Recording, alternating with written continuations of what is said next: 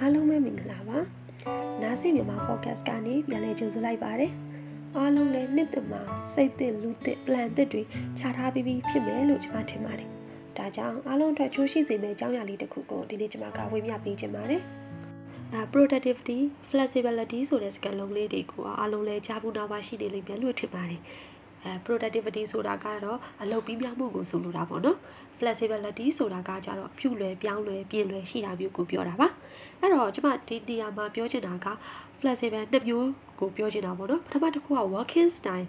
အဲအလုပ်လုပ်တဲ့ပုံစံ flexible ဖြစ်တာကိုဆိုလိုချင်တာပါဒုတိယတစ်ခုကကြတော့မိမိရဲ့စိတ်ကိုကိုယ်စိတ်ကိုကိုပေါ့နော် flexible ဖြစ်အောင်စိတ်ထားတတ်အောင်လေ့ကျင့်တာကိုဆိုလိုတာပါအလုပ်များတဲ့သူတွေဖြစ်လေရှိကြတာက အလုပ်ကြောင့်ကိုယ့်ရဲ့မိသားစုဘဝမှာကိုယ့်ရဲ့ social life မှာ personal life မှာပြက်ကွက်မှုတွေရှိလာတာမျိုးပေါ့နော်ဥပမာအားဖြင့်အလုပ်တွေများတဲ့အတွက်ကြောင့်မို့လို့ကိုစာဖတ်ချင်တာကိုမဖတ်နိုင်တာဒါမှမဟုတ်ကိုတခုခုအသက်ဆန်းသိယူချင်တယ်ကိုတက်မြောက်ချင်တဲ့ပညာရဲ့တစ်ခုကိုမလေ့လာနိုင်တာအဲနောက်တစ်ခုကကြတော့တခါတလေကိုလှုပ်ချင်တဲ့ဟာမျိုးပေါ့နော်ပရာဟိတအလုပ်လိုဟာမျိုးတွေလှုပ်ချင်ပေမဲ့ဟိုကို့မှာတခြားအလုပ်တွေကများနေတဲ့အတွက်ဒီဘက်အလုပ်တွေကို မလုပ်နိုင်တာမျိုးပေါ့နော်ဒါလည်းရှိပါတယ်အဲတချို့ကျတော့ကိုလုပ်နေရတဲ့အလုပ် project တစ်ခုသုံးခုရှိလာပြီဆိုလို့ရှိရင်ဒါတစ်ခုခုမှာအာရော့သွားတာမျိုးတွေဖြစ်လာတာမျိုးပေါ့နော်ဒီလိုအလုပ်များတဲ့အတွက်ကြောင့်အခြားအရာတွေကိုပြက်ကွက်ချင်းကားပေါ့ရေတိုအတွက်ဆိုရင်တော့မသိတာပေမဲ့ရေရှည်မှာကြတော့ လှုပ်လှုပ်နေရတဲ့ဒီအလုပ်ကိုကိုကစိတ်ပြက်လာတယ် stress out ဖြစ်လာတယ်ဒီအလုပ်ကြောင့်ကို့မှာတခြားသောအရာတွေဆုံးရှုံးလိုက်ရတယ်လို့ခံစားရတဲ့အတွက်ပေါ့နော်ဒီအလုပ်ကိုကိုကအာဆက်မလုပ်ချင်တော့ဘူးစိတ်ညစ်လာတယ်ဒီလောက်ကတည်းခဏလောက်တော့အနားယူလိုက်ချင်တယ်ဆိုပြီးတော့စိတ်ပင်ပန်းလာတာမျိုးတွေဖြစ်တတ်ပါတယ်အထူးသဖြင့်အခုလို COVID-19 အဖြစ်နေတဲ့အခြေအနေမှာကြတော့ work from home တွေဖြစ်လာတဲ့အတွက်ကြောင့်အားလုံးကအလုပ်ကိုအိမ်မှာပဲလုပ်ရတဲ့အခါမှာ အလုတ်ခန်းရယ်လို့သိတတ်မဟုတ်တော့ပဲနဲ့အလုတ်လုံးနေရင်းနဲ့လည်းမိသားစုကိစ္စကြီးလုပ်ရတာရှိတယ်အဲ့တော့အချိန်ပေးရတာကအစဒီ walking style အနေနဲ့ဟိုတတ်တတ်ပတ်ပတ်မရှိတော့ဘူးပေါ့နော်ဒါမျိုးပါဆိုလို့ရှိရင်အလုတ်များတဲ့သူတွေအနေနဲ့ပို့ပြီးတော့တိတာလာတယ်ကိုယ့်ရဲ့မိသားစုအချိန်တွေကိုယ့်ရဲ့ personal အချိန်တွေရနေပြီးတော့အလုံးအတွက်ကိုပေးရတာပို့ပို့များလာနိုင်တာပေါ့မျိုးတွေဖြစ်လာတာ ကြောင့်မို့လို့ကျမတို့တွေက time management ကအများကြီးအရေးကြီးလာတယ်ပေါ့နော် time management လုပ်တဲ့အခါမှာလည်းဒါအရေးအကြီးဆုံးအချက်ကတော့ deadline ပေါ့ဘယ်လောက်ဖြစ်ဖြစ်ကျမတို့တွေသတ်မှတ်ထားတဲ့ deadline တစ်ခုတော့ပြီးဖို့လိုတာပေါ့နော်ဒါပေမဲ့ဂျားထဲမှာလည်းကျမတို့ကအလုပ်ချိန်ကိုတော့ flexible ဖြစ်အောင်လုပ်လို့ရပါတယ်ကိုရဲ့အဲတခြားကိစ္စဒီအလုပ်ချိန်ပေါ်9နာရီကနေ9နာရီအတွင်းမှာကိုယ့်ရဲ့မိသားစုကိစ္စကအရေးကြီးကိစ္စတစ်ခုခုဖြစ်လာတယ်ဆိုလို့ရှိရင်ဒါသူတို့ကိုအချိန်ပေးလိုက်တာမျိုးပေါ့နော် သူတို့ကိုအချိန်ပေးတဲ့အခါမှာလည်းကိုကအလုပ်ဆိုတာကြီးကိုတန်ရှင်းထားမနေပဲနဲ့အဲတကယ်ကိုဖိဖိစီစီနဲ့ကိုမိသားစုကိစ္စကိုလုပ်ပေးလိုက်တာစိတ်နှစ်ပြီးလုပ်ပေးလိုက်တာအဲနောက်ပြီးတော့မှဒါအစားထိုးပြီးဒီအလုပ်ကိုပြန်လုပ်ပေးတာမျိုးပေါ့ဒီလို flexible ကိုစိတ်ကိုကိုလည်းဖြစ်ဖို့လိုတယ်အဲ့ဒါဆိုလို့ရှိရင်တော့ကိုကိုတိုင်းလည်းအလောက်ကြောင့်တခြားဟာယူပြက်ကွက်သွားတယ်လို့မခံစားရတော့ဘူးပေါ့နော်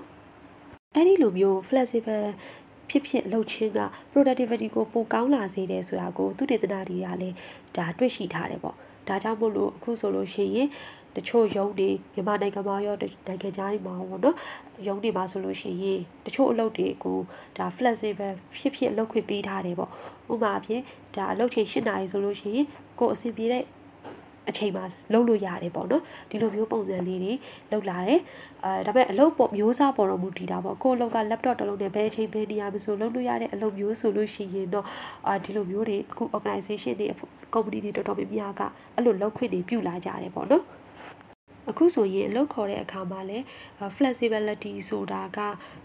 requirement လိုအပ်ချက်တစ်ခုအနေနဲ့ကိုထွေသွင်းဖော်ပြလာကြတယ်ပေါ့နော်ဒါကြောင့်မို့လို့ flexible ဖြစ်ဖို့ကဟိုအရန်ကိုဒီအလုပ်တချို့အတွက်ဆိုရင်ဒါအရင်ကိုအရေးကြီးတဲ့အခက်အခဲမှာပါဝင်ပါတယ်။ဒါကြောင့်ဒီကုန်းချုပ်အနေနဲ့ပြောရမယ်ဆိုလို့ရှိရင် flexibility ရှိခြင်းက productivity ကိုပိုကောင်းလာစေပါတယ်။ဒါကြောင့်မို့လို့တချို့သောရုံးတွေ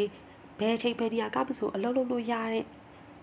လုပ်မျိုးတွေဆိုလို့ရှိရင်ပေါ့နော်ဒီရုံးတွေအဖွဲ့အစည်းတွေအနေနဲ့လည်း flexible ဖြစ်တဲ့ working environment တစ်ခု working style တစ်ခုကိုဒါ supportive ပေးဖို့လိုအပ်တယ်အဲတစ်ဖက်မှာလည်းအလုပ်လုပ်တဲ့သူတွေကိုယ်တိုင်ကလည်းကိုယ်စိတ်ကိုယ်ကို flexible ဖြစ်အောင်ထားတတ်ဖို့လဲစူးစမ်းသင့်ပါတယ်အကယ်၍ကိုကအလုပ်တွေအများကြီးလဲလုပ်နေရတဲ့သူဒီအလုပ်တွေကိုလည်းရေရှည်လုပ်နိုင်ခြင်းနဲ့ရေရှည်မှာဒီလိုအလုပ်များများပေါ့နော်ဆက်လုပ်ခြင်းနဲ့ပြီးတော့အဲ့လိုအလုပ်များတဲ့အတွက်လည်းတခြားတစ်ဖက်မှာပြက်ကွက်မှုတွေမဖြစ်ချင်ဘူးကိုယ့်ရဲ့ personal life မှာလည်းအဲကိုလုပ်ချင်တဲ့အရာတွေကိုအချိန်ပေးပြီး လုပ်နိုင်အောင်ကြိုးစားခြင်းနဲ့ဆိုလို့ရှိရင် flexibility ကမရှိမဖြစ်လိုအပ်တဲ့အချက်ပါဒါကြောင့်မို့လို့ကိုယ်စိတ်ကိုယ်ကို flexible ဖြစ်အောင်လေ့ကျင့်ပါလို့ကျွန်မကတော့အကြံပြုချင်ပါတယ်အဲနောက်ဆုံးပိတ်နေတဲ့ထပ်ပြောရလို့ရှိရင် flexibility ဖြစ်ရမယ်ဆိုတဲ့နေရာမှာကန့်သက်ချက်လေးတော့ရှိတာပေါ့နော်အရင် flexibility ဖြစ်လွန်သွားတဲ့အခါကျတော့လေဟိုစီကံမရှိတယ်လို့မျိုးဖြစ်သွားနိုင်တာပေါ့နော်ဒါကြောင့်